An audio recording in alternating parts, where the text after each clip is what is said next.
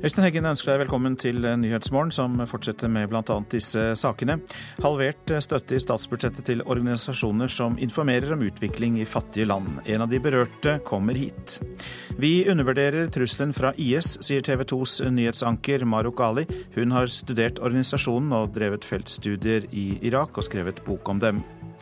Nobels litteraturpris burde vært mer relevant, folkelig og kontroversiell. Sterke meninger fra Jon Michelet i den neste halvtimen. Og straks mer om det vi nettopp hørte i Dagsnytt. Helsedirektoratet vil tillate eggdonasjon. For eggdonasjon bør bli lovlig i Norge, anbefaler Helsedirektoratet i en ny rapport. Det er tidsskriftet Dagens Medisin som skriver dette. Eggdonasjon kan gjøre det lettere for barnløse å få egne barn, men metoden er omstridt. Det er likevel ingen medisinsk grunn til at det, lov, at det ikke skal være lov, sier helsedirektør Bjørn Gullvåg. Vi mener at dette er trygt, og det er ingen medisinske grunner nå til at vi skulle tillate eh, sæddonasjon og ikke eggdonasjon. Vi mener at disse fra et medisinsk ståsted kan behandles nokså likt. Dette er et vanskelig spørsmål som inneholder òg mange etiske problemstillinger. Eh, og Derfor eh, skal vi også legge dette fram for Stortinget som en stortingsmelding. Men at kvinner skal kunne donere bort eggene sine til andre, er noe som KrF ikke kommer til å støtte når saken kommer opp i Stortinget. Fordi av hensyn til barn og barnets rettigheter og barns rettigheter til å vite mor og far, så er det en begrunning for KrF. For tre år siden fikk hun det barnet hun alltid har ønsket seg gjennom assistert befruktning i Danmark. Nå håper hun at flere kan få hjelp til å få barn. Det er jo ingen lett beslutning. Det er jo ikke noe man eh, gjør på impuls. Jeg hadde jo tenkt meg lenge om. Jeg hadde et sterkt barneønske. Jeg er også alene, så den type behandling det er ikke tillatt i Norge for enslige. Så det var en av grunnene for at jeg reiste til Danmark for assistert befruktning. Barn er ikke egentlig en, en rettighet, barn er noe en får og ikke en rettighet. Reporter var eh, Iram eh, Ansari. Framtiden i våre hender. Regnskogfondet, Unicef Norge, det er noen av organisasjonene som kan miste store deler av pengestøtten neste år. I statsbudsjettet vil regjeringen kutte kraftig informasjonsstøtten, penger organisasjonene ser som viktige for samfunnsdebatten. Som vanlig var det slik finansminister Siv Jensen åpna finanstala i går da hun la fram statsbudsjettet for 2016. Dette statsbudsjettet er blitt til i en tid hvor de økonomiske utsiktene er annerledes enn vi har vært vant til de siste 10-15 årene. Og økonomiske utfordringer kan det også bli for de mange organisasjoner som informerer oss om utviklingsproblematikk og bistandsarbeid. For lista er lang. FN-sambandet, Unicef Norge, Framtiden i våre hender, Kirkens Nødhjelp, Changemaker og Regnskogfondet.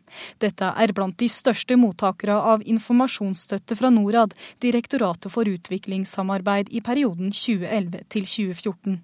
Men nå i statsbudsjettet for 2016 foreslår regjeringa å kutte støtta fra 90 til 50 millioner kroner. Og dersom FN-sambandet får beholde de nærmere 30 millioner som ble freda ved fjorårets bistandsbudsjett, står det kun igjen drøye 20 millioner som skal fordeles på over 50 organisasjoner som har fått støtte tidligere. Derfor er jeg valgt å bruke historisk mye penger gjennom UD eh, til de svære humanitære eh, oppgavene. Og jeg hadde forventa at også disse organisasjonene eh, hadde sagt at det var bra, og at de forsto den prioriteringa i den tøffe situasjonen som vi er i. Svarer utenriksminister Børge Brende. Nå er det mange viktige oppgaver vi står overfor i en pressa humanitær situasjon. Med vårt budsjett så er det udekka behov inne i Syria. Det er 300 000 flyktningebarn i Libanon som ikke får utdanning. Og Vi må foreta tøffe prioriteringer. Og så har vi sømfart budsjettene våre. Så når vi ser at det er organisasjoner som ikke driver aktivitet utenfor Norge, bare ren informasjon i Norge for bistandspenger, så må vi heller kutte der og bruke de pengene ute. Det er en uh, vanskelig avveining, men jeg mener at det er en riktig avveining uh, når det gjelder bruken av bistandspenger. Ja, Utenriksminister Børge Brende og reporter var Liv Rønnaug Lilleåsen. Hanne Sofie Lindahl, god morgen til deg. God morgen. Du er leder i Changemaker, en av organisasjonene vi hørte om her. Ungdomsorganisasjonen til Kirkens Nødhjelp. Og hva frykter da dere kan skje dersom støtten blir borte? Det vi frykter kommer til å skje, er at den norske utviklingsdebatten vil strupes, og vi vil få en dårligere utviklingspolitikk.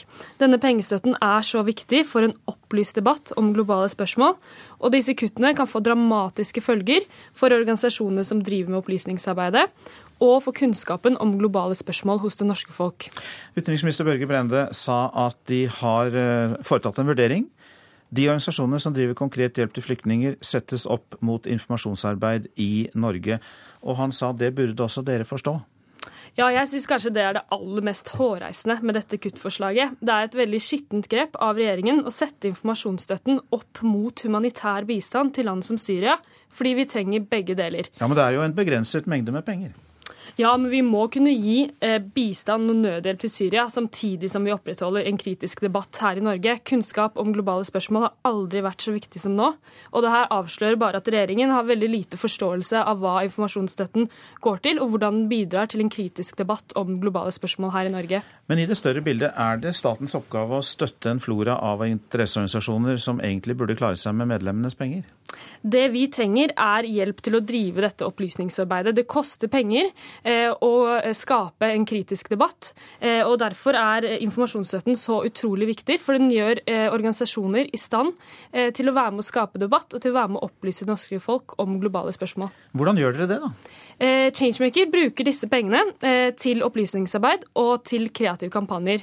Eh, og Gjennom dette arbeidet så mobiliserer vi norsk ungdom til å mene noe om dagens store globale utfordringer, sånn som klimakrisen og fattigdomskrisen, og hvordan vi kan være med å løse disse krisene. Hvis dere vil gjøre noe med det du kaller et skittent grep fra Børge Brende, hva skjer da? Eh, det vi har lyst til å gjøre nå, er å sette alle ressurser inn for å klare å redde denne informasjonsstøtten. Eh, og her vil Venstre og KrF være helt avgjørende. Eh, denne støtten var truet i fjor også, og da var det Venstre og KrF som reddet den. Så vi håper at det vil skje i år også. Takk skal du ha, Hanne Sofie Lindahl, leder i Changemaker, som er ungdomsorganisasjonen til Kirkens Nødhjelp. Hellas' statsminister har nå fått støtte i parlamentet for å sette i verk nye tiltak for å redde landets økonomi. Med knapp margin vant Alexis Tsipras et tillitsvotum i parlamentet i natt. Han kan da sette i verk en rekke reformer som skal gjennomføres før sommeren neste år, i bytte mot et tredje kriselån fra EU og Det internasjonale pengefondet. Avisene nå. Slik stoppet han fyllepilotene. VG har snakket med Lars Erik Engstrøm, nattevakten som i august varslet politiet om at besetningen på et Air Baltic-fly var beruset. Det gikk kaldt nedover ryggen på meg. Mange tanker raste gjennom hodet mitt, men jeg angrer ikke på at jeg gjorde det jeg gjorde, sier Engstrøm. Ja til likekjønnet vigsel, jeg har ikke samvittighet til å la være, sier sogneprest i Landås kirke Atle Mo til Bergensavisen. Men samtidig mener han, og andre sogneprester i Bjørgvin, som avisen har snakket med, at prester bør ha rett til å reservere seg mot å vie likekjønnede. Pensjonistene har grunn til å juble, skriver Dagbladet om statsbudsjettet. Reduksjonen i avkorting av pensjon til ektepar, kutt i formuesskatt og generell skattelette kan gi pensjonister mange tusenlapper ekstra. Smører landet med olje, er Dagsavisens kommentar til statsbudsjettet. Hver eh, åttende krone staten bruker, er fra oljefondet.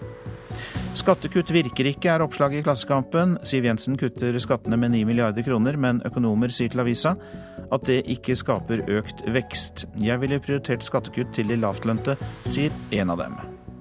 Eksperter Adresseavisen har snakket med, sier at Siv Jensen sender regningen til neste generasjon.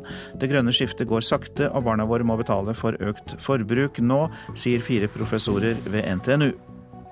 Regjeringen tar seg råd til det meste, men Syria kan få idyllen til å sprekke, skriver Aftenposten. Det kan se enkelt ut nå for de borgerlige å bli enige, men KrF eh, kan vanskelig leve med at Syria-kostnadene tas fra bistandsbudsjettet, sier avisas kommentator. Ny avgift vil ramme folk flest, er oppslaget i Dagens Næringsliv. Finansminister Siv Jensen vil nemlig innføre en ny avgift på forsikringer, banktjenester og boliglån. Inntekter fra disse nye avgiftene kan bli på hele 3,5 milliarder kroner. Bergens Tidende etterlyser mot fra Siv Jensen, som burde gått inn for statlig boligskatt i forslaget til skattereform, som også ble lagt fram i går. Uten eh, boligskatt blir det vanskelig å redusere skattene der det trengs mest, nemlig i arbeid og investeringer, skriver altså Bergens Tidendes kommentator. Suspensjonen av Fifa-president Sepp Blatter viser at Fifa tar anklagene om korrupsjon på alvor. Det sier sportskommentator Andreas Seljås. Blatter har møtt massiv kritikk for korrupsjon i Fifa, og er altså selv siktet for økonomisk kriminalitet. I går sprakk nyheten om at Fifa-president Sepp Blatter er midlertidig suspendert fra sin stilling i 90 dager. Fifas etiske komité har denne uken hatt møter etter at sveitsiske myndigheter har startet etterforskning mot Blatter. Sportskommentator Andreas Seljås mener suspensjonen viser at Fifa tar anklagene om korrupsjon på alvor. For det første så er dette historisk, at en Fifa-president blir suspendert pga. Eh, anklager om eh, korrupsjon, eller mistanke om korrupsjon. Og for det andre så viser det jo nå at eh, Fifa begynner å ta anklagene på alvor.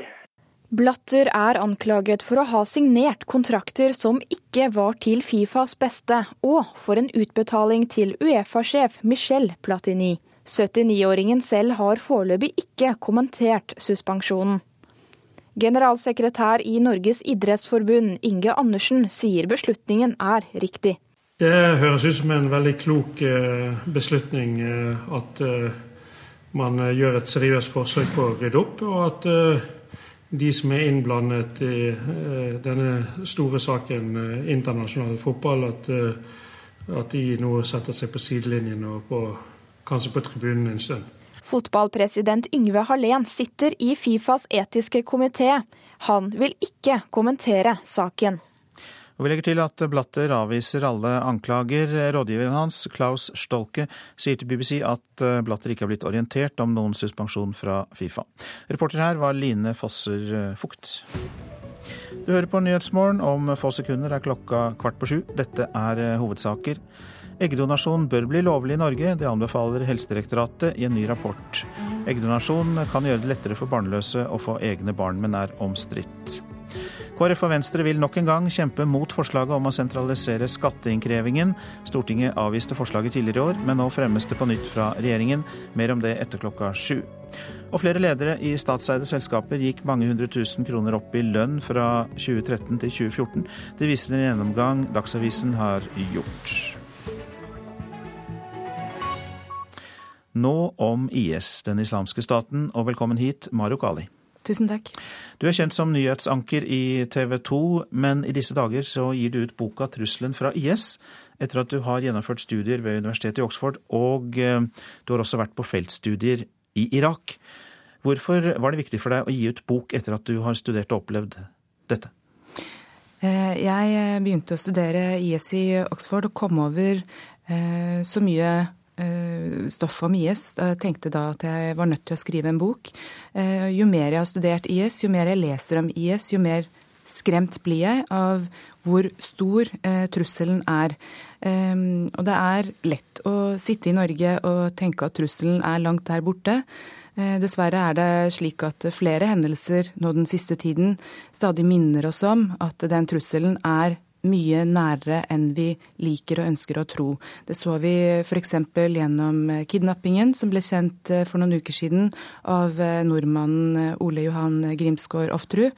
Vi, vi, ser det også nå med den enorme flyktningstrømmen. Vi så nye tall i går som viser at nærmere 5000 flyktninger kom til Norge bare i september. Det er en økning på nesten 4000 700 sammenlignet med september i fjor. Ehm, og innen utgangen av 2016 eh, så kommer det til å være 60 000 flyktninger. Mesteparten av dem fra nettopp Syria ehm, og mange av dem fra Irak. Så det er en direkte konsekvens av det som foregår, eh, som vi liker å tenke er langt der borte. Ja, men la oss ta dette med flyktningkrisen. Eh, ta det først her. Fordi ehm, Eh, hva er det da med flyktningekrisen som eh, indirekte er en trussel mot Norge? Flyktningkrisen eh, er jo, som vi har sett nå de siste ukene, den framsto som om den kom over natten. Slik vi også har likt å se på IS, at det var et fenomen som bare oppsto over natten da IS kapret millionbyen Mosul i Irak.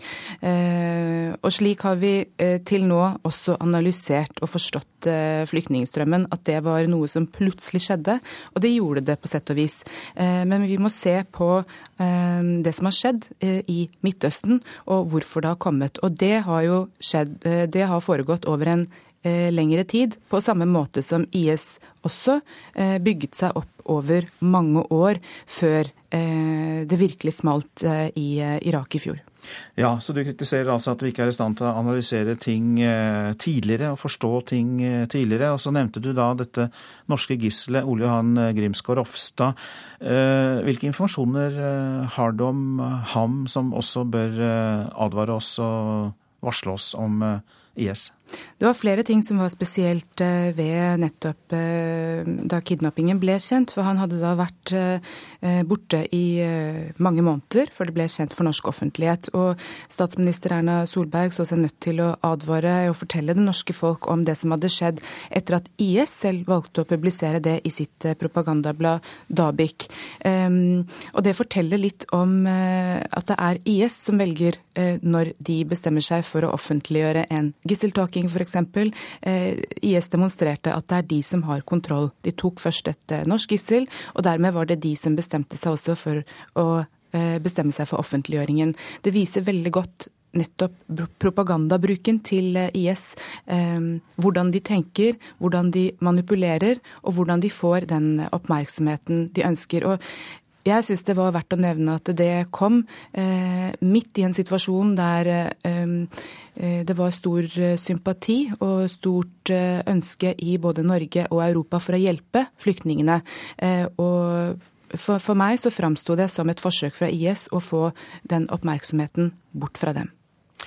I hvilken grad tror du at IS sender sine folk til Europa, til europeiske land, til Norge?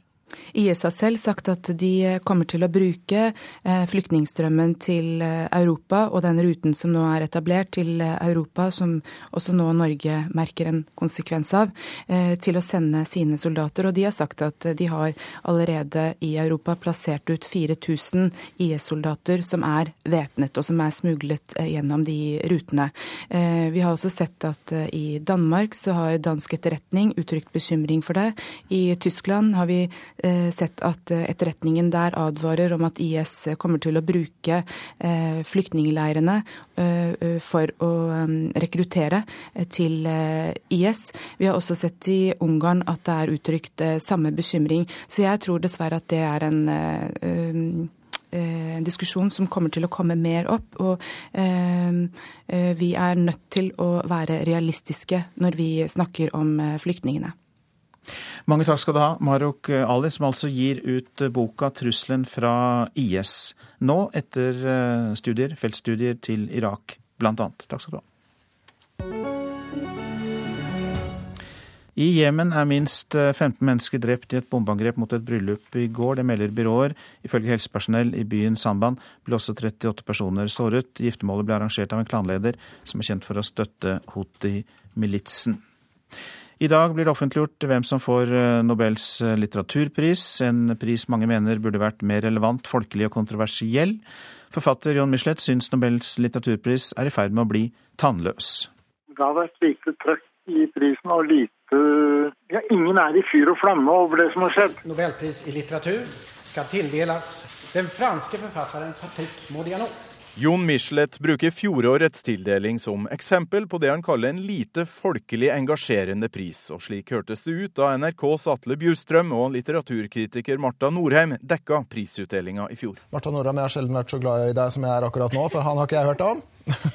Nei, og jeg vil si dette var en veldig overraskelse. Altså, eh, Når det gjelder Modiano, så skal jeg være ærlig med deg og si at jeg har aldri lest en bok av han. Nei. Prisen har blitt uh, litt mer sånn elite preget enn den var. Det var større rom for mer folkelige forfattere tidligere, som Steinbeck, Hemingway Nei, Litteraturprisen er jo åpenbart en slags forfatternes forfatterpris, som eh, folk ellers ikke er så veldig opptatt av. Direktør ved Institutt for fredsforskning, Christian Berg Harpviken, mener litteraturprisen har potensial til å bli relevant for flere. Nobelprisen har vært rotfesta i et eh, politisk instinkt, en forståelse av hva som rører seg i samtida.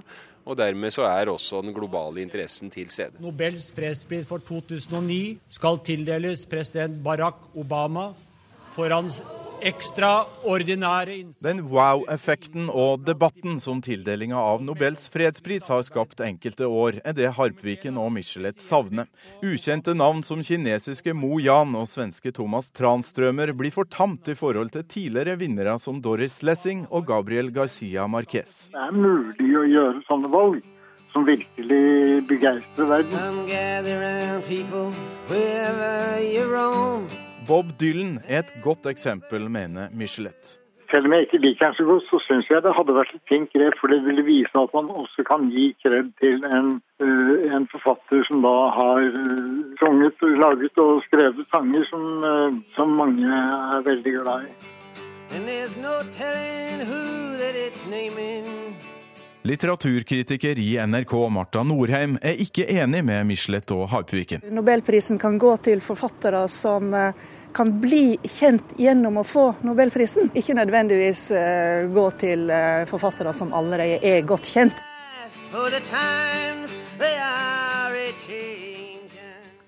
Svenske Akademien skriver i en e-post til NRK at de ikke ønsker å diskutere kritikken i dag. Reporter var Torkil Torsvik. I dag fyller landets eldste symfoniorkester 250 år, og vi snakker selvfølgelig om harmonien i Bergen. For enkelte betyr jubileet mer enn for de fleste andre. I publikum er det nemlig en 76-åring som har hatt fast plass på torsdagskonsertene siden han var ti år gammel. Svein, her skal du se et morsomt bilde.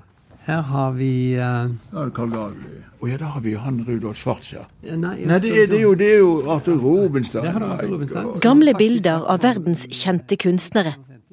Pianovirtuosen Arthur Rubinstein, fiolinisten Jehudi Menuhin, dirigenten Leopold Stokowski. Alle har besøkt Bergen. Tidligere direktør i Harmonien, Lorentz Reitan, har leitet frem bilder fra Harmoniens arkiv. Skal vi se, her har vi jo Jon Brodal. For Svein Sten Thomassen vekker dette gode minner. Min far som var veldig glad i musikk, han tok meg med på en del konserter. Og til min tiårsdag i 1949 så ga han meg et uh, abonnementskort til uh, torsdagskonsertene. Hvilket jeg selvfølgelig var veldig skuffet over den gangen. For mine venner de fikk jo fotballer og badmintonsett. Ja. Takk skal du ha. Takk for hjelpen. På billettkontoret i Grieghallen henter Thomassen billettene til sine faste plasser. Bergen Filharmoniske Orkester fyller 250 år og feirer denne uken med jubileumskonsert.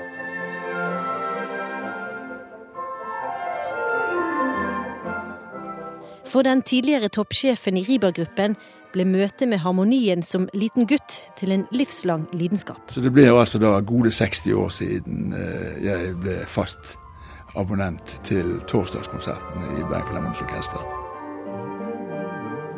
Bak scenen i Grieghallen nynner han med når orkesteret øver inn Mozart med Leif Ove Ansnes. I tillegg til faste plasser på konsertene har han også vært styremedlem i Harmonien og er medlem av Harmoniens venner.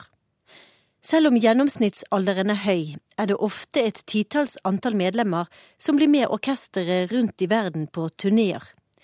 Kanskje ikke groupies, men de trofaste tilhengerne betyr mye for orkesteret, sier direktør Bernt Bauge. De betyr veldig mye for orkesteret. De følger med med stor entusiasme på våre turneer. Og det er alltid et interessert og dedikert publikum i salen, sammen med våre mange andre abonnenter. Det betyr mye for musikerne enkeltvis og for orkesteret å vite at de er der. Selv om tiåringen som fikk fast plass på torsdagskonsertene var litt betenkt, er den eldre utgaven av Sten Thomassen glad for farens valg. Jeg klarte jo da selvfølgelig å få formidlet til min kjære far før han gikk bort, at uh, om jeg var litt i tvil den gangen, så har jeg ved senere i livet vært svært takknemlig for at han mer eller mindre eh, om ikke tvang meg til, så var det i hvert fall en, mer enn en klar forventning om at jeg fulgte han på torsdagskonserten i mine yngre år.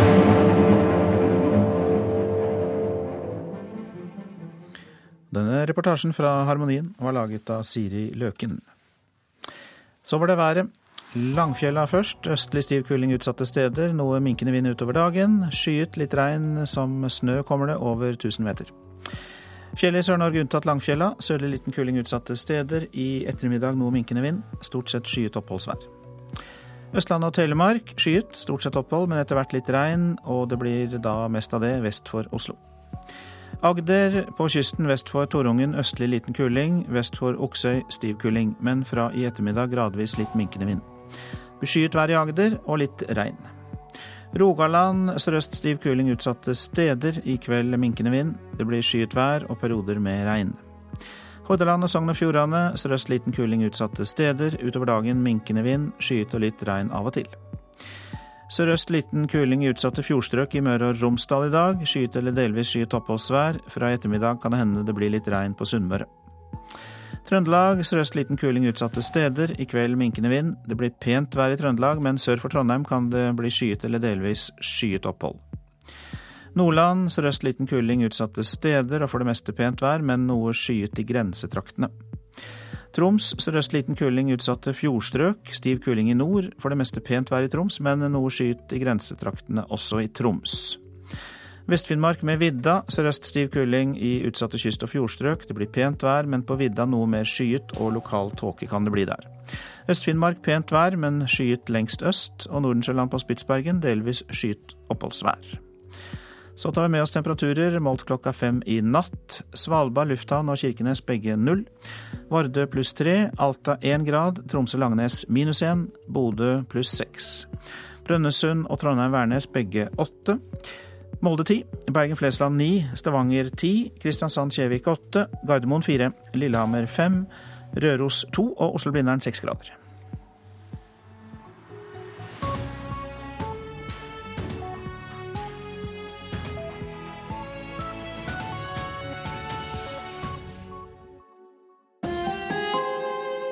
Hør ekko.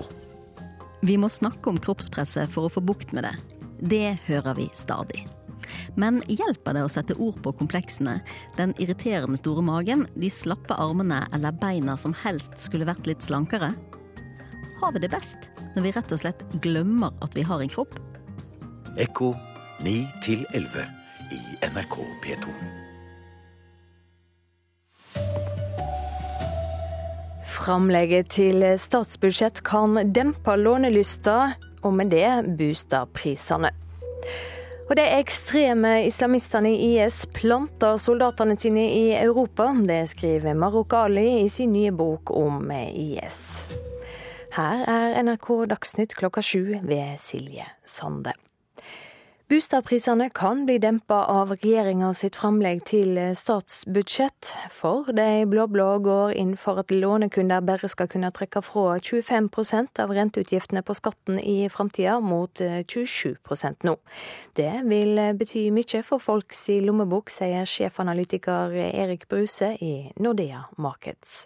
Det blir absolutt store beløp. For enkelte vil det kunne svi ganske kraftig hvis man har stor gjeld. En familie med boliglån på 4 millioner og 2,5% rente får 2000 kroner mindre å rutte med i året. Og de reduserte gjeldsrentene kan dempe det norske boligmarkedet, tror leder Christian Dreyer i Eiendom Norge. Spesielt da selvfølgelig de med, med store lån. Sett Isolert sett så vil det bidra til svakere boligprisvekst. Så kan det utløse en hardere nedtur i boligmarkedet. Reporter Sindre Heierdal. De ekstreme islamistene i IS planter soldater i Europa. Det hevder journalist Marok Ali i sin nye bok 'Trusselen fra IS'. Hun mener terroristene utnytter flyktningrutene. Jo mer jeg har studert IS, jo mer jeg leser om IS, jo mer skremt blir jeg av hvor stor eh, trusselen er. Um, og det er lett å sitte i Norge og tenke at trusselen er langt der borte.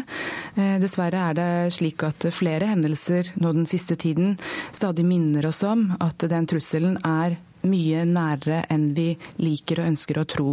Flyktningkrisen eh, er jo, som vi har sett nå de siste ukene, den framsto som om den kom over natten. Slik vi også har likt å se på IS, at det var et fenomen som bare oppsto over natten. Men vi må se på eh, det som har skjedd eh, i Midtøsten, og hvorfor det har kommet. Og det har jo skjedd, det har foregått over en lengre tid, på samme måte som IS også bygget seg opp over mange år før eh, det virkelig smalt eh, i eh, Irak i fjor. Helsedirektoratet går inn for at eggdonasjon bør bli lovlig i Norge, det skriver Dagens Medisin. Eggdonasjon, som kan gjøre det lettere for barnløse å få egne barn, er omstridt. Det er likevel ingen medisinsk grunn til at det ikke skal være lov, sier helsedirektør Bjørn Gullvåg. KrF holder fast på at partiet kommer til å røyste nei til eggdonasjon når saka kommer til Stortinget.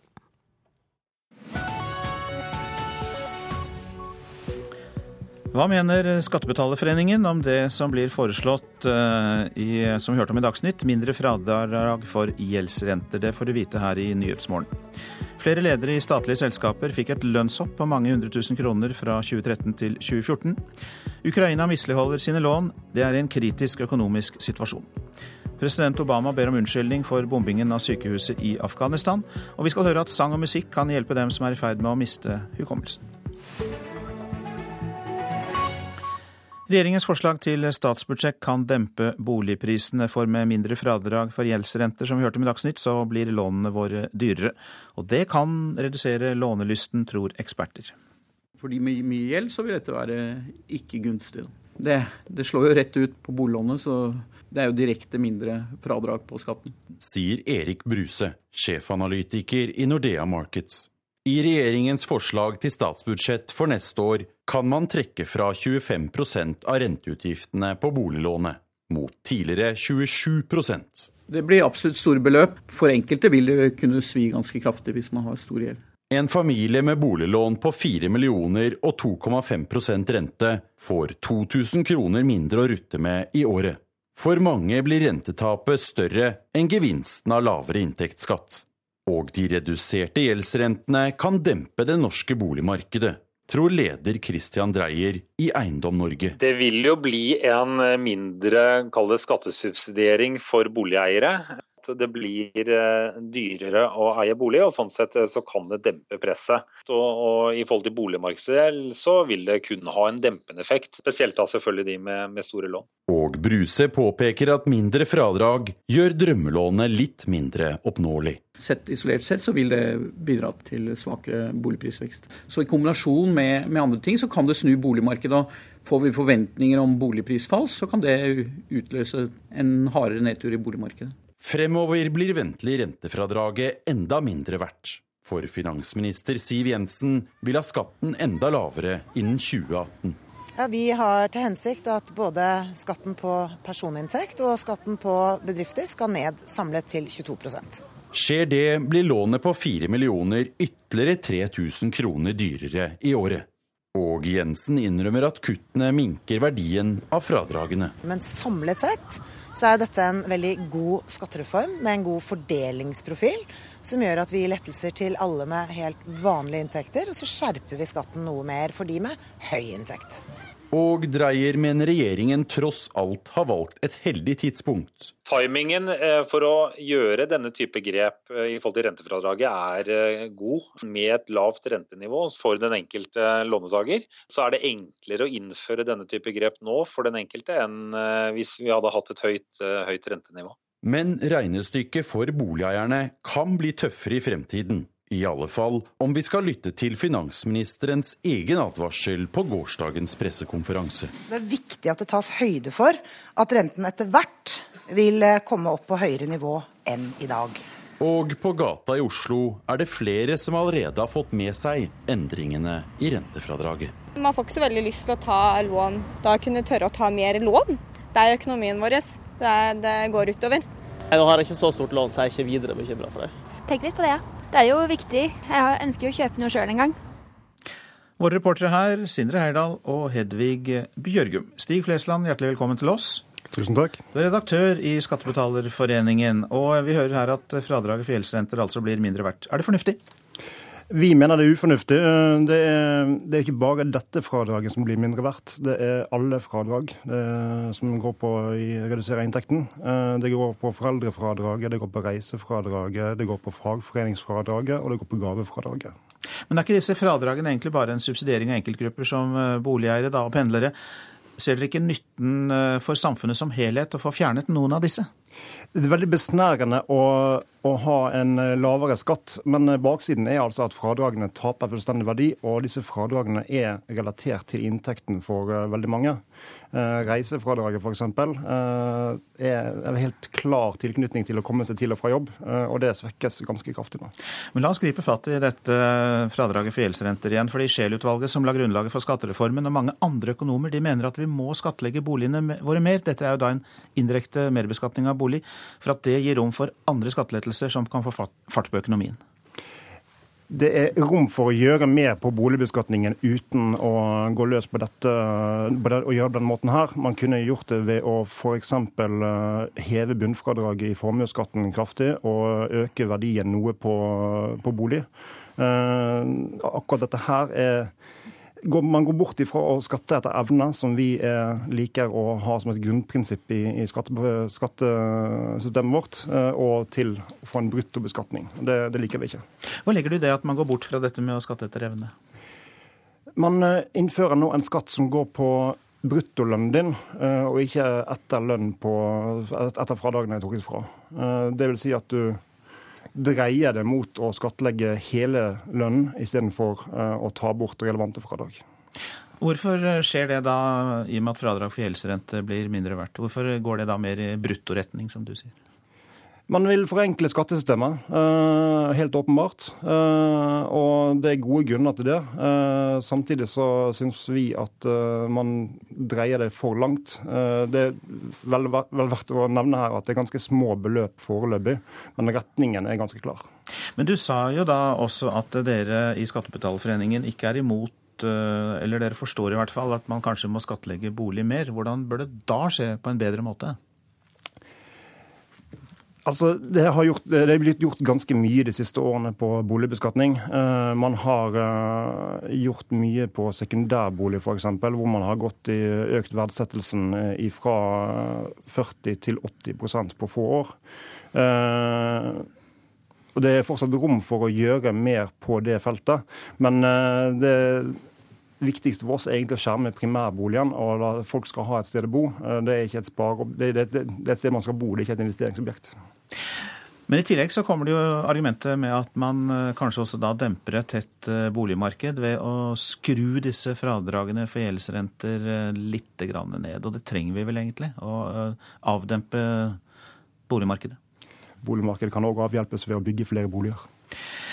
Da lar vi det stå som ditt eh, sluttpoeng. Takk skal du ha, Stig Flesland, som er redaktør i eh, Skattebetalerforeningen. KrF og Venstre vil kjempe mot forslaget i statsbudsjettet om å sentralisere skatteinnkrevingen. Det er bare få måneder siden Stortinget avviste å flytte skatteinnkrevingen fra kommunene til staten. Frp-ordfører Jon Peter Flølo i Bamble i Telemark er også uenig i forslaget fra sin egen finansminister. Sånn Generelt så er jeg skeptisk til å flytte den type viktige posisjoner, og mennesker ikke minst, bort ifra der som kanskje utfordringene er. Det sier Frp-ordfører i Bamble i Telemark, Jon Peter Flølo. Han frykter for arbeidsplasser og nærheten til brukerne lokalt om skatteinnkrevingen flyttes fra kommunene til staten. Man kjenner det lokale markedet, man kjenner de lokale aktørene, og man leter etter fellesløsningen for å få ja, næringen til å, å, gå videre. Og han får støtte fra KS-leder Gunn Marit Helgesen. Hun synes det er uforståelig at regjeringen i forslaget til neste års statsbudsjett kommer med noe Stortinget avviste like før sommeren. Kommunesektoren har reagert veldig på det, og kommunene mener at dette håndterer de veldig bra. Nå skal regjeringen forhandle med støttepartiene KrF og Venstre. De varsler begge kamp mot forslaget. Ja, Vi har jo hatt denne runden eh, senest i revidert budsjett, så, så, jeg er overrasket over at det presenteres eh, nå i høst igjen. Det må jeg si. Er dette noe dere vil kjempe imot? Ja, Vi har ikke endret standpunkt, så vi er ikke enig i det forslaget. Det sier finanspolitisk talsmann i KrF Hans Olav Syversen. Han får støtte av Terje Breivik i Venstre. Og Jeg har jo store vansker med å se at det har kommet opp noen nye moment Eh, på tre måneder som skulle tilsi at, eh, at den saken skal få et annet utfall nå enn eh, enn i sommer. Finanspolitisk talsmann for Frp Hans Andreas Limi sier de fremmer forslaget for å forenkle og effektivisere skatteinnkrevingen. Forslaget har bred støtte fra mange faglige instanser, og vi ønsker å, å, få gjennomslag for dette i Stortinget. Det betyr at vi må diskutere forslaget med, med, Venstre og KrF som en del av de forhandlingene som nå kommer til å skje. Men nå hører vi jo at de er imot, og at Stortinget rett før sommeren eh, sa nei til dette? Stortinget ba regjeringen gjøre noen flere vurderinger. Det har regjeringen gjort, og det er derfor den kommer tilbake nå i budsjett. Eh, så dette er en oppfølging av det Stortinget har bedt om, og så må vi nå se på det gjennom forhandlinger med KrF og Venstre. Hva synes du om at deres egen ordfører går imot dette? Nei, Det er eh, kommuner som er imot eh, fordi at de ikke ønsker å miste kemnerfunksjonen. Vi tror jo snarere tvert om at det er en fordel for alle at man får en effektivisering og bedre kontroll. Ikke minst eh, en bedre bekjempelse av svart arbeid og svart økonomi. og Derfor så må vi styrke denne funksjonen, bl.a. ved å gjennomføre flere arbeidsgiverkontroller. Reporter Veronica Westrin. Flere ledere i statlige selskaper fikk et lønnshopp på mange hundre tusen kroner fra 2013 til 2014, skriver Dagsavisen. Oversikten viser at eh, lederne har hatt en langt sterkere lønnsvekst enn vanlige arbeidstakere. I forbindelse med statsbudsjettet offentliggjøres lønnen til alle sjefer i heleide statlige selskaper. Der går det fram at flere av lederne har hatt en formidabel lønnsvekst. Ifølge Dagsavisen har direktøren i Entra, Klaus Anders Nysten, hatt størst økning av dem alle. Han fikk nærmere 900 000 mer å rutte med i 2014 enn i 2013. SVs finanspolitiske talsmann Snorre Valen sier det er en ukultur som er i ferd med å feste seg i norsk arbeidsliv, at gapet mellom lederlønninger og arbeidernes lønninger vokser. Helge André Njåstad i Frp sier imidlertid at han syns det er på sin plass med høye lederlønninger. Statlige selskaper konkurrerer med de private, og da er det viktig å kunne vise til gode lederlønninger, sier han. Og Vegard Valestrand var reporter. Du lytter til Nyhetsmorgen. Om eh, noen få sekunder er klokka kvart over sju. Dette er hovedsaker. Regjeringens forslag til statsbudsjett kan dempe boligprisene, for med mindre fradrag for gjeldsrenter blir lån dyrere, mener eksperter. KrF og Venstre vil nok en gang kjempe mot forslaget om å sentralisere skatteinnkrevingen. Stortinget avviste forslaget tidligere i år, men nå fremmes det igjen på nytt fra regjeringen. Eggdonasjon bør bli lovlig i Norge, det anbefaler Helsedirektoratet i en ny rapport. Eggdonasjon kan gjøre det lettere for barnløse å få egne barn, men er omstridt. Ukraina misligholder sine lån og er i en særdeles vanskelig økonomisk situasjon. Det sier den amerikanske finansinstitusjonen Fitch, som analyserer betalingsevnen til ulike land og ulike bedrifter. Moskva-korrespondent Morten Jentoft, du er med oss nå. og Er det fare for at Ukraina rett og slett kan gå konkurs? Det er klart det er en reell fare for det, og selvfølgelig er det riktig at Ukraina er i en særdeles eh, vanskelig økonomisk situasjon. Landet har jo vært nå i konflikt, i krig, i eh, snart eh, to år. Det har slukt veldig mye av statens verdier. Samtidig så har jo da de poruske separatistene kontroll over det industrielle kjernelandet i Ukraina. Øst i Donbas med 20% av landets industriproduksjon. Sånn at man er inne i en vanskelig situasjon. Men samtidig så er det lys i tunnelen. Eh, finansminister Natalia eh, Jaresko hun eh, sier det at ja, vi er i en vanskelig situasjon i år. Det vil være en nedgang i økonomien på mer enn 10% Men til neste år så vil økonomien i Ukraina faktisk stige med 2 og eh, det samme er forventet de nærmeste årene. Altså en økning i økonomien på 3% Sånn at hvis landet nå, som de allerede sier, bl.a. Eh, finansminister Jaresko, eh, klarer da å holde de som har gitt dem lån da på en armlengde avstand gjennom dette året, her, så regner hun da med at landet vil klare seg gjennom denne krisen. Noen utsikter for bedret økonomi, altså. Men dette har jo selvfølgelig sterk sammenheng med den eh, konflikten som Ukraina har vært eh, oppi. og Hvordan ser det ut der fremover? Ja, eh, Det blir jo veldig interessant å se nå det som kommer til å skje i fredsprosessen øst i landet. Og som du sier, det vil også avgjøre om landet kan få økonomien på fote igjen også. Det var jo en stor seier for Ukraina at man klarte å presse da Russland eh, til å presse igjen da de prorussiske separatistene til å utsette disse lokalvalgene. Det kunne jo veltet hele fredsprosessen. Sånn at nå er jo eh, en slags fredsprosess på eh, skinner igjen. Nå er det en del ting som må eh, avklares også på eh, ukrainsk side når det gjelder lovgivning i forbindelse med gjennomføring av disse valgene her. Men hvis man klarer å holde da denne fredsprosessen på skinner, så vil det nok være helt avgjørende også for den økonomiske utviklingen i Ukraina. Om man klarer å, å komme på fote igjen. Det er jo veldig mange som står på sidelinjen, som er interessert i å gå inn med store investeringer i Ukraina. Ukraina har en enorm internasjonal goodwill akkurat for tiden, men eh, den goodwill avhenger også at eh, man klarer å få slutt på den væpnede konflikten øst i landet. Hvor bevisst har Russland vært Morten Jentoft, i å svekke ukrainsk økonomi? Ja, Det er klart at dette henger sammen med uh, hele den politiske situasjonen, der Russland nok ønsker da å presse uh, Ukraina politisk. da, Hindre landet i å uh, bli medlem f.eks. Av, av Nato. Man ønsker å holde et økonomisk grep om Ukraina. Det ser jo ut til å være vanskelig i og med at Ukraina nå stadig frigjør seg fra Russland. sier det er en poli bevisst politisk handling. Samtidig så ser vi jo at de to landene har jo tette økonomiske bånd. Eh, Ukraina har en gjeld på nærmere 25 milliarder kroner til eh, Russland pga. Eh, manglende betaling for gass.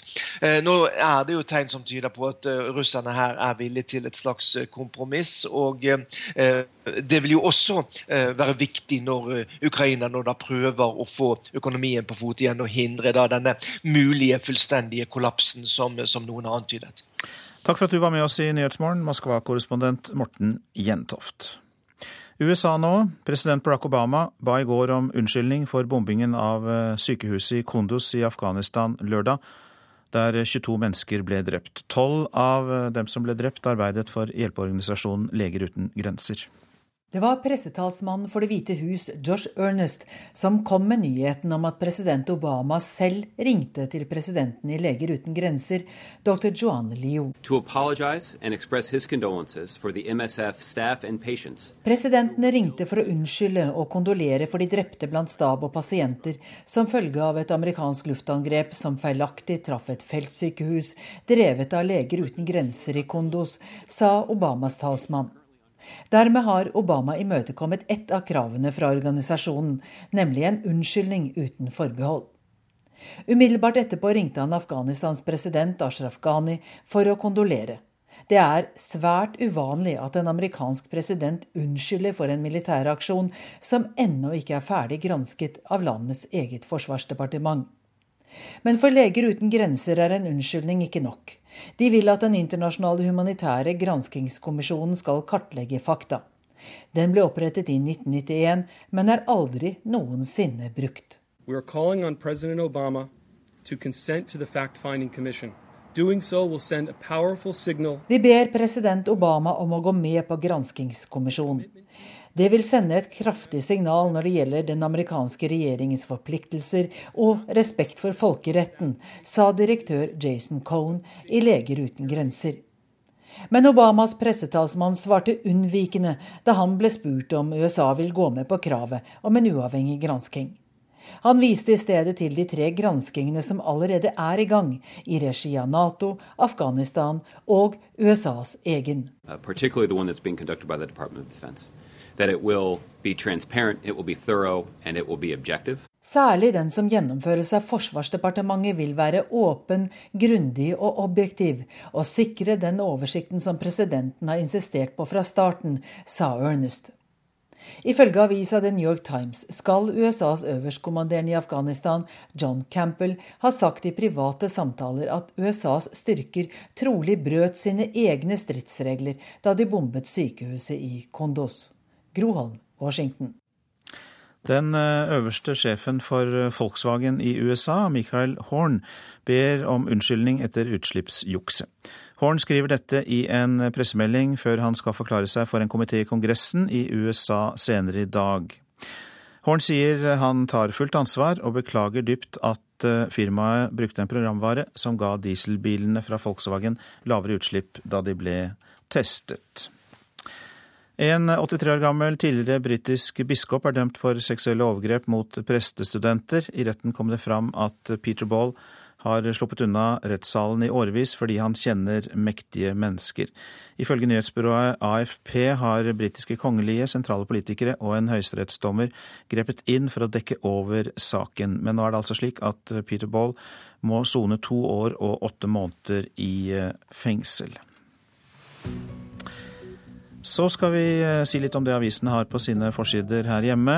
Slik eh, stoppet han eh, fyllepiloten. VG har snakket med Lars Erik Engstrøm, nattevakten som i august varslet politiet om at besetningen på et Air Baltic-fly var beruset. Det gikk kaldt nedover ryggen på meg, mange tanker raste gjennom hodet mitt, men jeg angrer ikke på det jeg gjorde, sier varsleren Engstrøm. Ja til likekjønnet vigsel, jeg har ikke samvittighet til å la være, sier sogneprest i Landås kirke Atle Mo til Bergensavisen. Men samtidig så mener eh, både han og andre sogneprester i Bjørgvin at prester bør ha rett til å reservere seg mot å vie likekjønnede. Pensjonistene har grunn til å juble, skriver Dagsavisen om statsbudsjettet. Reduksjonen i avkorting av pensjon for ektepar, kutt i formuesskatt og generell skattelette kan gi pensjonister mange tusenlapper ekstra. Smører landet med olje, er Dagsavisens kommentar i statsbudsjettet. Hver åttende krone staten bruker er fra oljefondet. Skattekutt virker ikke, er oppslaget i Klassekampen. Siv Jensen kutter skattene med 9 milliarder kroner, men økonomer sier til avisa at det ikke skaper økt vekst. Jeg ville prioritert skattekutt til de lavtlønte, sier en av dem. Eksperter Adresseavisen har snakket med, sier at Siv Jensen sender regningen til neste generasjon. Det grønne skiftet går sakte, og barna våre må betale for økt forbruk nå, sier fire professorer ved NTNU. Regjeringen tar seg råd til det meste, men Syria kan få idyllen til å sprekke, det skriver Aftenposten. Det kan se enkelt ut for de borgerlige å bli enige i år, men KrF kan vanskelig leve med at Syriakostnadene tas fra bistandsbudsjettet. Det sier avisas kommentator. Ny avgift kan ramme folk flest, er oppslaget i Dagens Næringsliv. Finansminister Siv Jensen vil nemlig innføre en ny avgift på forsikringer, banktjenester og boliglån. Inntektene fra disse nye avgiftene kan bli på 3,5 milliarder kroner. Bergens Tidende etterlyser mot fra Siv Jensen, som burde gått inn for statlig boligskatt i forslaget til skattereform. Uten boligskatt blir det vanskelig å redusere skatten der det trengs mest, nemlig i arbeid og investeringer, skriver avisas kommentator. Nå om musikk som skal hjelpe demente. I Nordre Land i Oppland spilles det i disse dager inn en CD med salmer som skal hjelpe folk som begynner å miste hukommelsen. Og det er de enkle versjonene som er best. Bare rett på. Rett på siste verset. OK?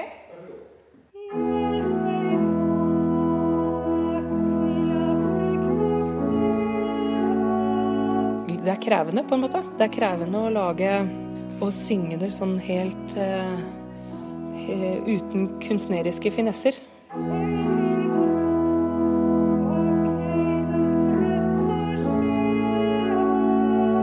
Skal gjøres så enkelt som mulig når Birgitte Rosenberg synger salmer inn på CD.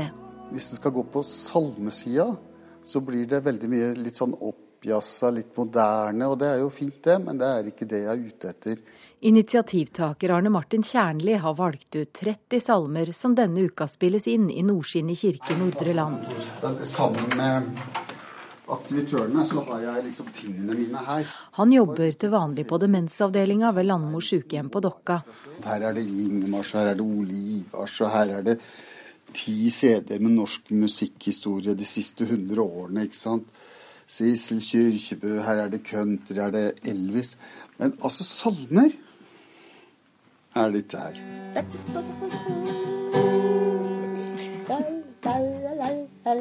Salmer har vært store deler av livet for 85 år gamle Bjørg. Du vet, Vi gikk jo på Frelsesarmeen og på søndagsskolen. Er det gel? Du skjønner, jeg begynte å glemme av hvor mye jeg er det nå. Salmer treffer noe djupt i oss. Det vil jo variere hva slags bakgrunn folk har, hva slags personlige tro. Men salmer, f.eks. julesanger, rører jo nå i veldig mange mennesker, som går dypt og utover personligheten, så å si. Og det kommer tydeligere fram når folk er eldre. Doktor Audun Mysja er nasjonal veileder i musikk for folk med demens. Han mener salmeinnspillinga som nå gjøres på Dokka er viktig for å nå fram der minnet har begynt å svikte. Det vi har sett er at uh, hvis uh, sanger er overarrangerte, så kan det virke mot sin hensikt. Det å få en sang som en kjenner og har et forhold til i en reinkultur, sunget på en uh, nær måte, vil ofte gi en mer direkte virkning og en større gjenkjennelse enn hvis det er en veldig kraftig arrangert og litt fjern versjon. Målet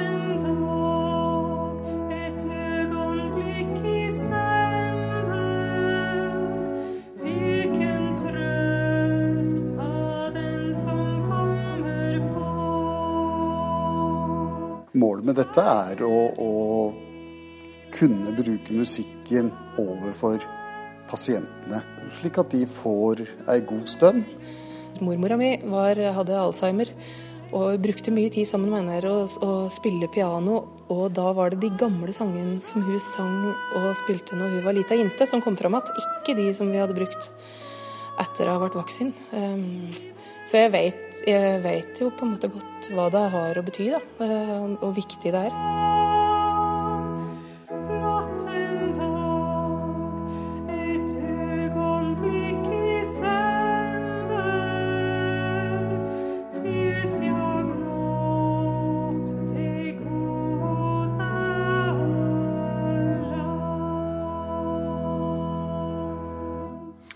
Jorunn Wang hadde laget denne reportasjen.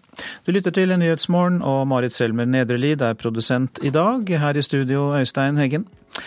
Uruguay forsøker å finne sin egen vei ut av svak økonomi og fattigdom. Bli med til det lille latinamerikanske landet i reportasjen etter Dagsnytt. Det er dagen derpå statsbudsjettet i Politisk kvarter, og det blir debatt mellom eh, Svein Flåtten fra Høyre, Venstres Terje Breivik, Marianne Martinsen fra Arbeiderpartiet og Trygve Slagsvold Vedum fra Senterpartiet. Alle disse barker sammen, vil vi tro, i Politisk kvarter kvart på åtte.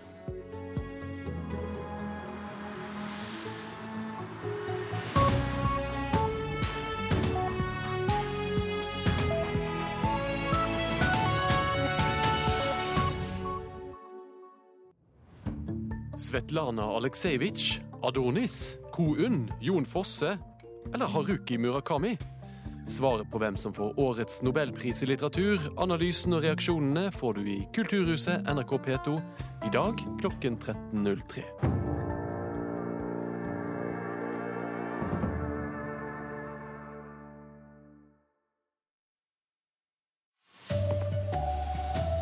Statsbudsjettet kan dempe folks lånelyst, og med det boligprisene. Barack Obama ber om årsaking for den amerikanske bombinga av et sykehus i Afghanistan.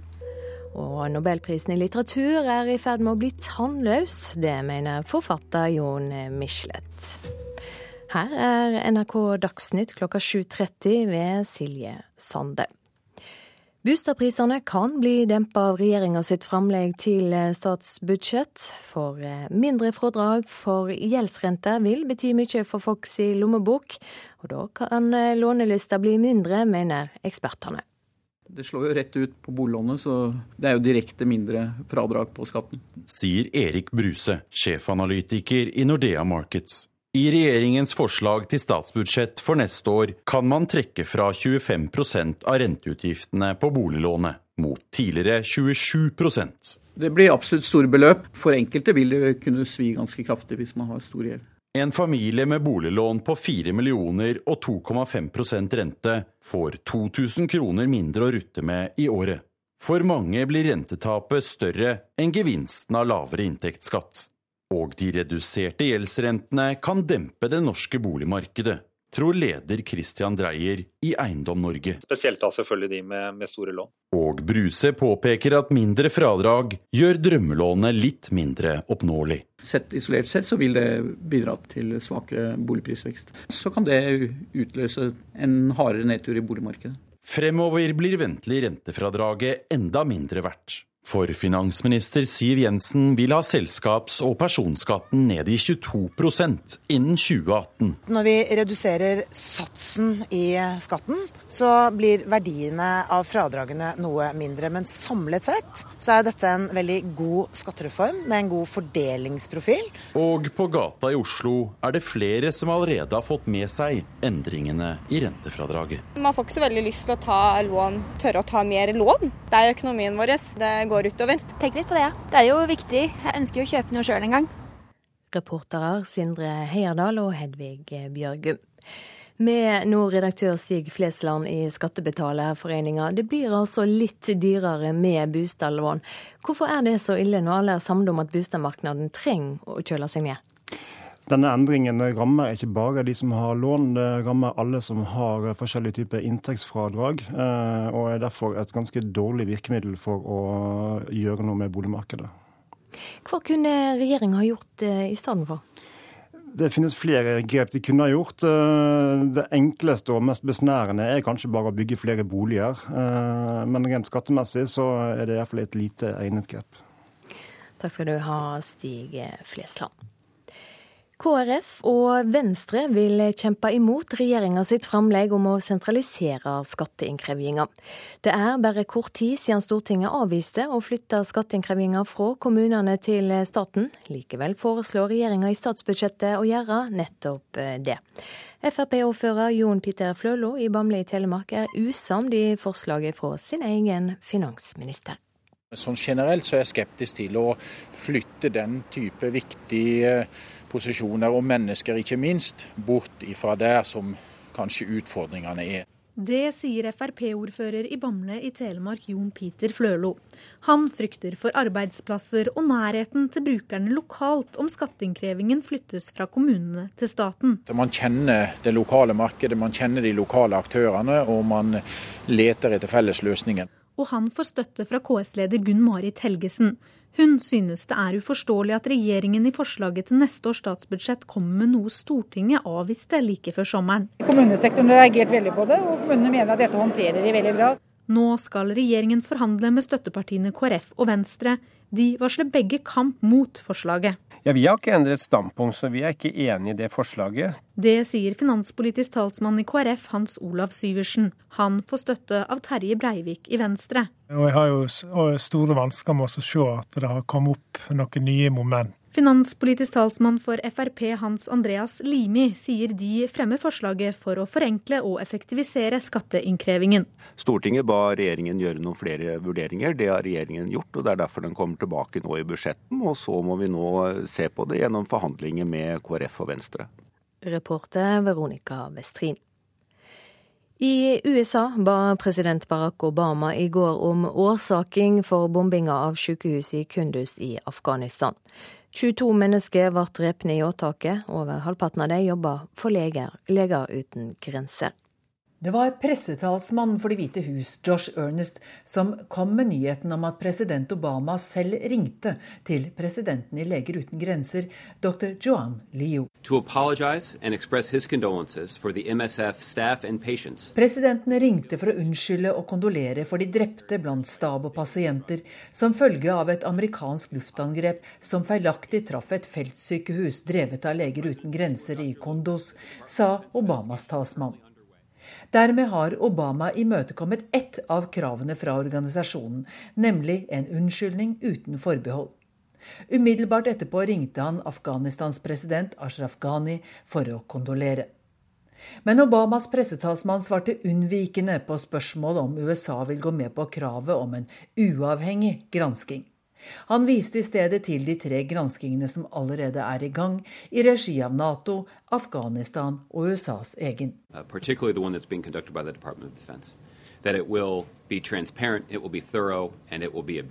Særlig den som gjennomføres av Forsvarsdepartementet, vil være åpen, grundig og objektiv, og sikre den oversikten som presidenten har insistert på fra starten, sa Ernest, og nevnte ikke krav om uavhengighet med et ord. Groholm, Washington. De ekstreme islamistene i IS planter soldater i Europa. Det hevder journalist Marok Ali i sin nye bok 'Trusselen fra IS'. Hun mener terroristene utnytter flyktningrutene. Jo mer jeg har studert IS, jo mer jeg leser om IS, jo mer skremt blir jeg av hvor stor eh, trusselen er. Um, og det er lett å sitte i Norge og tenke at trusselen er langt der borte. Uh, dessverre er det slik at flere hendelser nå den siste tiden stadig minner oss om at den trusselen er mye nærere enn vi liker og ønsker å tro. Flyktningkrisen eh, er jo, som vi har sett nå de siste ukene, den framsto som om den kom over natten. Slik vi også har likt å se på IS, at det var et fenomen som bare oppsto over natten. Men vi må se på eh, det som har skjedd eh, i Midtøsten, og hvorfor det har kommet. Og det har jo skjedd, det har foregått over en Eh, lengre tid, på samme måte som IS også eh, bygget seg opp over mange år før eh, det virkelig smalt i Irak i fjor. I Jemen skal minst 15 mennesker ha mista livet i to bombeåtak mot et bryllup i går. Ifølge helsepersonell i byen Sandvann ble også 38 personer såra. Giftermålet ble arrangert av en klanleder som er kjent for å støtte Houthi-militsen. Her hjemme er bare to av ti ledere i ungdomspartiene kvinner. Likestillingsombudet sier til Aftenposten at denne skjevheten er uheldig, trist og rar. De to regjeringspartiene er de mest mannsdominerte. Fremskrittspartiets Ungdom har aldri hatt ei kvinne som øverste leder, og bare én av de ti siste lederne av Unge Høyre har vært ei kvinne. I dag blir det klart hvem som får Nobels litteraturpris. Flere har tatt til orde for at prisen burde vært mer relevant, folkelig og kontroversiell. En av dem er forfatter Jon Michelet. Han mener Nobels litteraturpris er i ferd med å bli tannløs.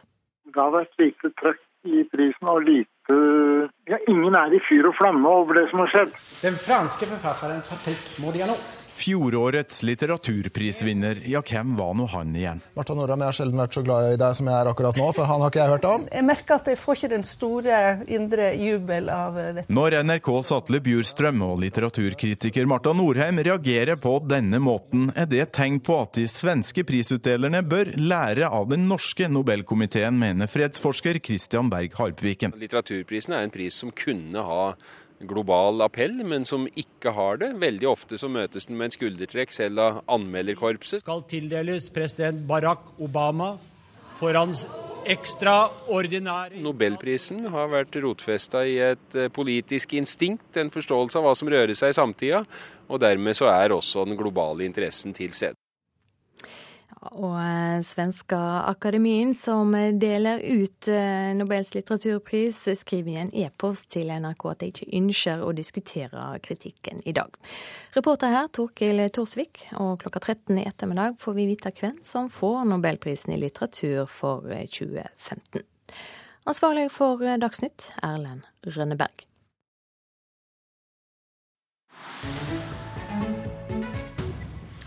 Og Vi slår fast at du lytter til Nyhetsmorgen. Og vi skal til det vesle latinamerikanske landet Uruguay, som ligger inneklemt mellom gigantene Brasil og Argentina. Der prøver de nemlig å finne sin egen vei ut av det uføre som svak økonomi og fattigdom gir. Landets økonomi var også tema i FNs hovedforsamling nylig. Tribunales de organismos multinasjonales puedan priorizar Uruguays sosialistiske president Tabaré Vasques benyttet sin tale i FNs hovedforsamling til å angripe multinasjonale selskaper som setter profitt foran menneskerettigheter og fundamentale verdier som helse og et godt liv, som han sier.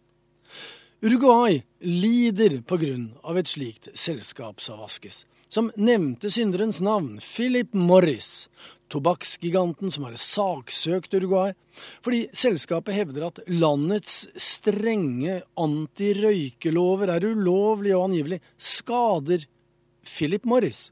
Philip Morris har hecho una demanda internacional contra Uruguay por aplicar på et aldershjem i Montevideo understrekes president Vaskes påstand om verdier som helse og et godt liv i praksis. Det er liv og røre, godt voksne mennesker. De fleste kvinner mottar pakker som de åpner med stor, nesten barnslig begeistring. De leser bruksanvisningen, ser på bilder og plansjer og låner øre til kurslederen.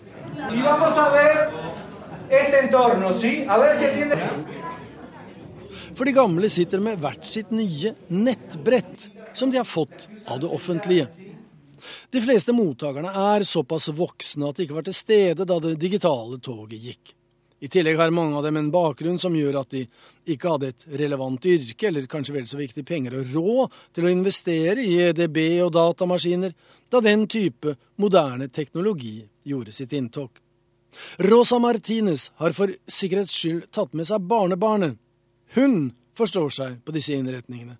Enda så ung hun er, så har hun mer erfaring, sier Rosa, i hvert fall hva nettbrett og internett angår. Justamente la traje porque ellos, digo, si no comprendo algo, ella tiene, parece más experiencia que yo, aunque no Uruguay ved munningen av Rio de la Plata ble i 1830 en selvstendig nasjon, opprettet som en buffer mellom de to rivaliserende gigantnasjonene Argentina og Brasil.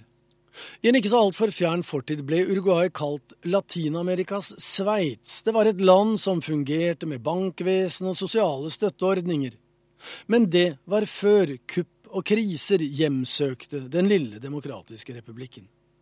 Men den sosiale grunnholdningen har verken juntageneralen eller bygeriljaen, monopolkapitalen eller Philip Morris klart å knekke. Hensikten med nettbrettene er at alle skal med, som det heter. Også digitale analfabeter med høy alder og lav sosial status, sier Lucia Varela til Associated Press. Hun er koordinator for programmet der de akterutseilte seniorene ønskes velkommen om bord.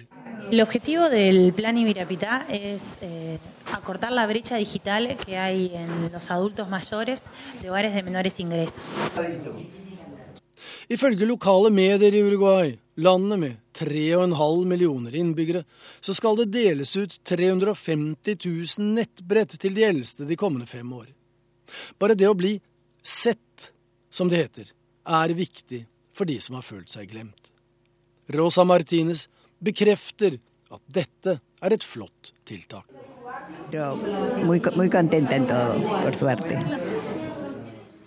Reportasjen var laget av Joar Hoel Larsen. Dette er Nyhetsmorgen, og dette er hovedsaker. Statsbudsjettets forslag om mindre fradrag for gjeldsrenter gjør lån dyrere. Det kan dempe folks lånelyst, og dermed også boligprisene, tror eksperter. Barack Obama ber om unnskyldning for den amerikanske bombingen av et sykehus i Afghanistan sist lørdag. 22 mennesker ble drept i angrepet, halvparten av dem arbeidet for Leger uten grenser. De ekstreme islamistene i IS planter soldater i Europa. Det hevder journalist Maruk Ali i sin nye bok 'Trusselen fra IS'. Hun mener terroristene utnytter flyktningrutene.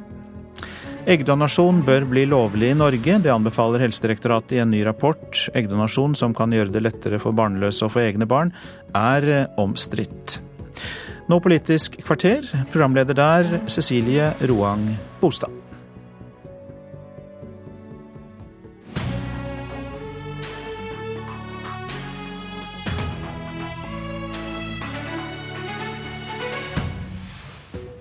Arbeiderpartiet advarer Høyre mot å tvinge kommunene til å sette eldreomsorg og skole opp mot flyktninger. Senterpartiet mener regjeringen bruker for mye på skattekutt og for lite på nye arbeidsplasser. Og Venstre mener oljepengebruken ikke er bærekraftig på lang sikt. Riktig god morgen, velkommen til Politisk kvarter. Det brukes rekordmye oljepenger. Regjeringen vil kutte skattene med over 9 milliarder kroner. Mange mener at dette kommer til å bli en krevende stortingshøst. Det skal handle om både statsbudsjett, skattereform og flyktninger. Vi har med oss eh, et firkløver eh, i Politisk kvarter i dag. Jeg begynner med deg, Marianne Martinsen, finanspolitisk talsmann i Arbeiderpartiet. Det er mye i dette budsjettet dere er kritiske til, men la oss starte med mm, kommuneøkonomien og flyktningstrømmen til Norge. Eh, dere advarer Høyre nå mot å gi Fremskrittspartiet trumfkort i, i politikken, nettopp gjennom å sette at kommunene må sette flyktningene sine opp mot velferd velferden de skal gi til eh, innbyggerne. Hva mener du med det? Nå er det en stor X i dette budsjettopplegget som vi ikke har sett foreløpig. Og det er den tilleggsproposisjonen som statsministeren har varsla, eh, som skal bidra til å møte den situasjonen vi står oppe i eh, hva gjelder flyktninger. Vi vet ikke hva den kommer til å inneholde, vi vet ikke hvor omfattende, omfattende den blir, og vi vet ikke hvordan den skal finansieres. Så det er en stor X. Men det vi vet noen ting om, det er at uh, til tross for den rekordhøye oljepengebruken som regjeringa nå legger opp til, så har det ikke funnet rom for et kommuneopplegg som setter alle de nyvalgte lokalpolitikerne rundt omkring i landet i stand til å levere godt på eldreomsorg, på barnehager, på skole. Det blir et veldig stramt opplegg, sånn som regjeringa varsla uh, da vi fikk kommuneproposisjonen i våres. Uh, og Det er klart at det, det gjør jo at jeg frykter at en del kommuner Eh, nærmest skal tvinges inn i en situasjon eh, hvor de må slutte seg til Siv Jensens oppfordring til boikott av flyktningavtalen mot sin vilje, rett og slett fordi at kommunerammene blir så trange. Mm. Og Det vil jeg advare mot. Svein Flåtten, eh, finanspolitisk talsmann Høyre, velkommen. Takk. Du hører Martinsens bekymring her. Er du bekymret for det samme?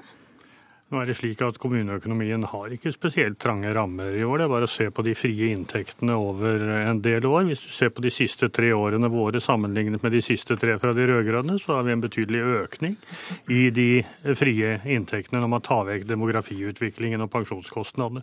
Men så, samtidig så ligger det jo ikke noe inne til asyl- og flyktningstrømmen. Riktignok så kommer det en melding om det, men, men det, det er jo penger Det kommer en melding om det, og jeg syns at det er veldig prematurt av, av Arbeiderpartiet lenge før de har sett denne eh, proposisjonen og si noe om at kommunene ikke kan greie å håndtere dette. Det som ligger i budsjettet, er en forlengelse av de tilskuddene, den kommuneøkonomien som har vært. Det er en økning også i de frie inntektene. Så det er ikke noe grunnlag for å si at, at eh, vi vil eh, gjennom dårlig kommuneøkonomi gjøre at kommunene ikke skal ta imot flyktninger.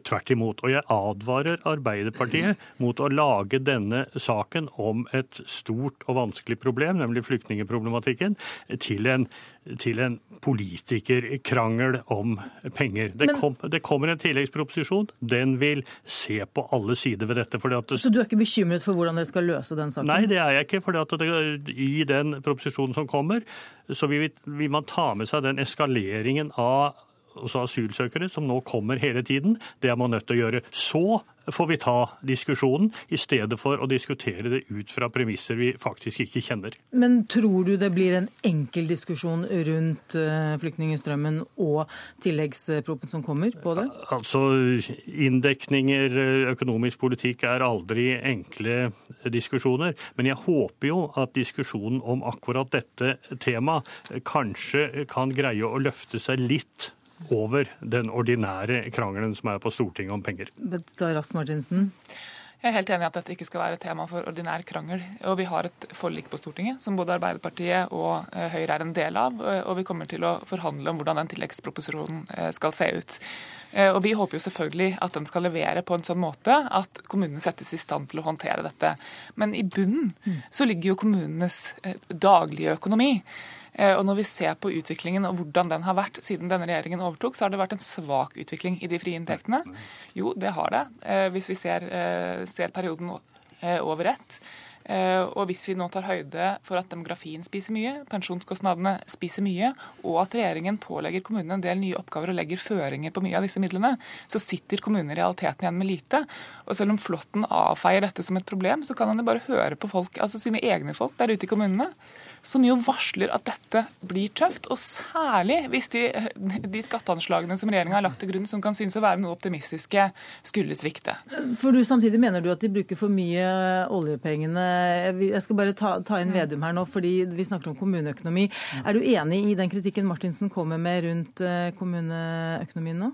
Det som har vært det største problemet for kommuneøkonomien de siste to årene, er at regjeringen har hatt for positive anslag. Så i, det har vært skattesvikt. I fjor var det skattesvikt på 2,7 milliarder kroner.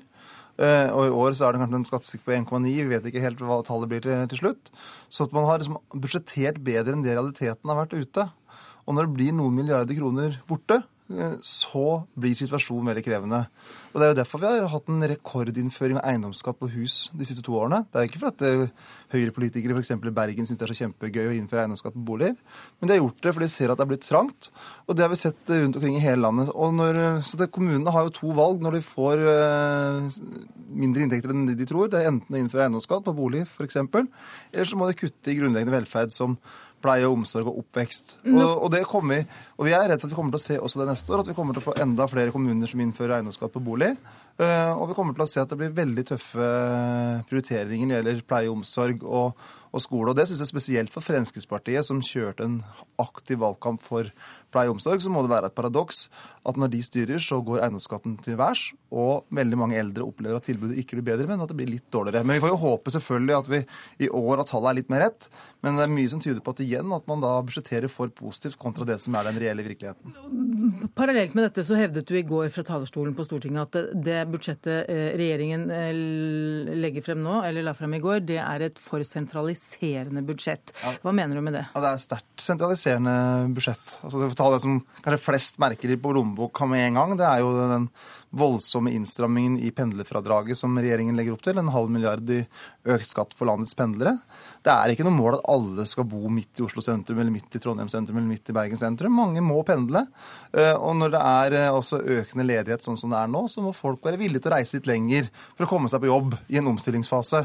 Og da er det lurt at eh, vi som storting og regjering legger til rette for at folk faktisk kan pendle. Nå strammer man det inn, og det blir en veldig skatteskjerpelse for dem som velger eller må reise ganske langt for å komme på jobb. Og så ser vi også da f.eks. på det som vi har i dag, så har vi skattekontor rundt omkring i hele landet. Vi har en, nesten 300 skattekontor rundt omkring der, nært der folk bor. Det vil nå regjeringa sentralisere til 33 kontor. Mer sentralisert i de største sentra. Og vi mener det er mye lurere at man har det i kommunene rundt omkring med kompetansearbeidsplasser som kjenner lokalt næringsliv, som kan ha dialogen, istedenfor at man skal sentralisere det til noen få store enheter. Så det er sentralisering. Og så ser du det på en del tilskuddsposter som klassisk blir kutta. F.eks. utbygging av bredbånd, som er kjempeviktig. Skal vi få fart i økonomien rundt i hele landet, så må vi bygge ut bredbånd. Det kutter regjeringa i. Og jeg har en lang liste, dessverre. det pleier å være sånn på, fra opposisjonspartiene. Flåtten. Eh, det, det, er vanskelig å, å, tilfredsstille alle her. Eh, hvorfor eh, tar dere f.eks. pendlerfradraget? Altså pendlerutgifter er i utgangspunktet en um, privat utgift for å, uh, for å, dekke omkostninger til å komme på jobb. Og en skal være klar over at minstefradragene som ligger hos alle, de skal dekke disse kostnadene. Og de har vært veldig mye øket i de senere år. Det er jo de som skal dekke dette. Så dette er jo en forskjellsbehandling av de forskjellige arbeidstakerne. Men Vedum kan ikke mene alvorlig at pendlerfradraget og diskusjonen om eh, skattekontorene er det som sørger for en betydelig sentralisering i dette landet. Det er jo veldig mange andre ting, ikke minst hvordan man stimulerer til etablering av arbeidsplasser i hele Distrikts-Norge. Og det gjør man jo faktisk gjennom dette budsjettet. Ikke minst på skattesiden, hvor man styrker privat norsk eierskap, som nettopp i distriktene har problemer med å skaffe seg kapital for å etablere arbeidsplasser. Og da blir det veldig fort mange flere arbeidsplasser enn å sette det opp mot kemnerkontorene. Det det er for så vidt en annen diskusjon. Ja, slippe, slippe til venstre her nå.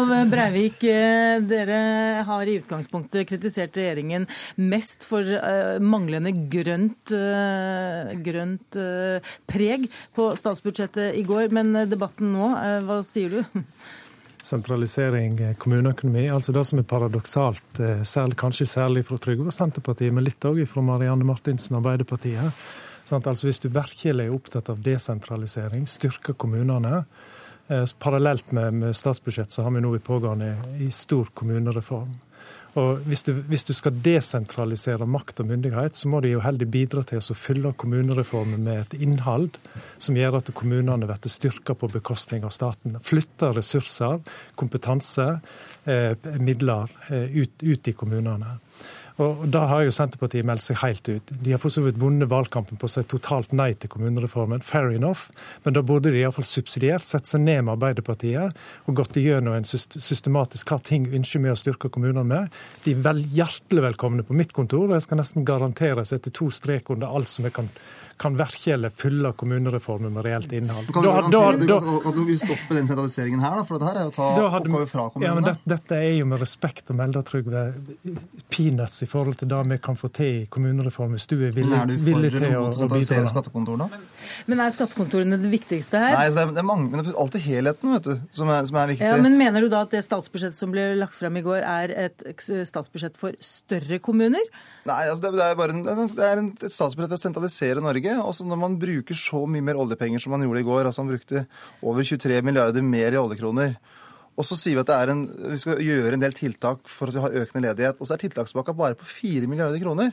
Altså Man har hatt en så liten evne til å prioritere tiltak mot økende ledighet, tiltak mot å sette, ta hele landet i bruk, tiltak for å styrke eldreomsorg og skole, men har bare prioritert skattelette.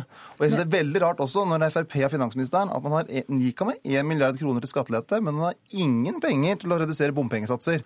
Så her er det tydelig at det er noen i Høyre har overkjørt Fremskrittspartiet fullstendig, og så glemmer man store deler av landet. Men Marianne Martinsen, du, dere var eh, kritiske i går til oljepengebruken, som mange andre. Hva er du kritisk til, eller hvorfor er du det? Jeg er kritisk fordi at denne regjeringa valgte å skru opp tempoet i innfasing av oljepenger helt fra første dag de inntok kontorene. Eh, Så det vi ser nå, er ikke bare en respons på at det er vanskelige tider i norsk økonomi. Da har vi tradisjon for å kunne bruke noe mer, men de har jo brukt mye av handlingsrommet gjennom hele perioden på bl.a. å skulle finansiere store formuesskattekutt. Det var det første vi så da tilleggsproposisjonen kom høsten 2013. At, eh, at formuesskattekuttet nærmest på krona tilsvarte den summen regjeringa var nødt til å gå i oljefondet og hente. Og i år så er realiteten igjen at man faser inn rekordmye oljepenger. Vi har aldri hatt så høy oljepengebruk nå. og Det skjer fra en regjering som skulle gjøre oss mindre oljeavhengige. Eh, Men og Hvilket nivå vil dere ligge på? det vil dere se når vi legger fram vårt alternative budsjett. Men vi har kritisert en langsiktig tendens som over tid ikke vil være bærekraftig. Fordi det denne regjeringen gjør i stort, det er å kutte inntektssida vil... i statsbudsjettet kraftig, blåse opp utgiftene, øke oljepengebruken år for år. Og alle forstår at det over tid ikke kan fortsette. Flåtten? Oljepengen har, oljepengebruken har økt i alle år i det senere. Det man må spørre Marianne Martinsen om når det gjelder budsjettet for 2016, det er hvor mye mindre vil hun bruke på arbeid, på omstilling, på aktivitet i den situasjonen som Norge er inne i. Det svaret må hun gi, og i tillegg så må hun forklare hvorfor hun vil saldere dette med å sende en regning for de pengene hun ikke skal bruke, til norsk næringsliv via skatteseddelen. Ja, for hvor, ja, Marianne? Men det er jo Svein Flåtten som må svare her. For det er jo hans, det er jo hans regjering som ikke har evne Jo, men dere har ikke. Dere har ikke, dere har ikke evna å prioritere. Jeg kommer, jeg kommer i mitt alternative budsjettopplegg til å være fullt i stand til å stimulere norsk Når næringsliv. kommer det? Levere på, det kommer i løpet av ganske kort tid. Vi har sagt 11. november. Men Men, la- bl.a. levere på det permitteringsregelverket som nå store deler av norsk næringsliv og arbeidstagersida etterlyser som like, det viktigste kommet med en tiltaket for å Ja. komme seg gjennom vanskelige tider. De er klarer ikke å prioritere det. Det kommer vi til å klare, til tross for at vi, eh, for at vi mener at oljepengebruken er for høy. Det som jeg syns er litt rart, er at eh, Det blir Høyre og Fremskritts- Fremskrittspartiet nå øker momsen f.eks. på norsk turistnæring, som er en næring i vekst. Hvorfor øke kostnadene der? Vi burde heller satsa videre for å få Det blir flere lange arbeidsplasser og i vanskelige norsk turistnæring. diskusjoner i eh, Stortinget denne høsten. Skal vi ta denne diskusjonen, tolke denne diskusjonen. Politisk kvarter er eh, ved veis ende. I studio i dag satt Cecilie Roang Bostad.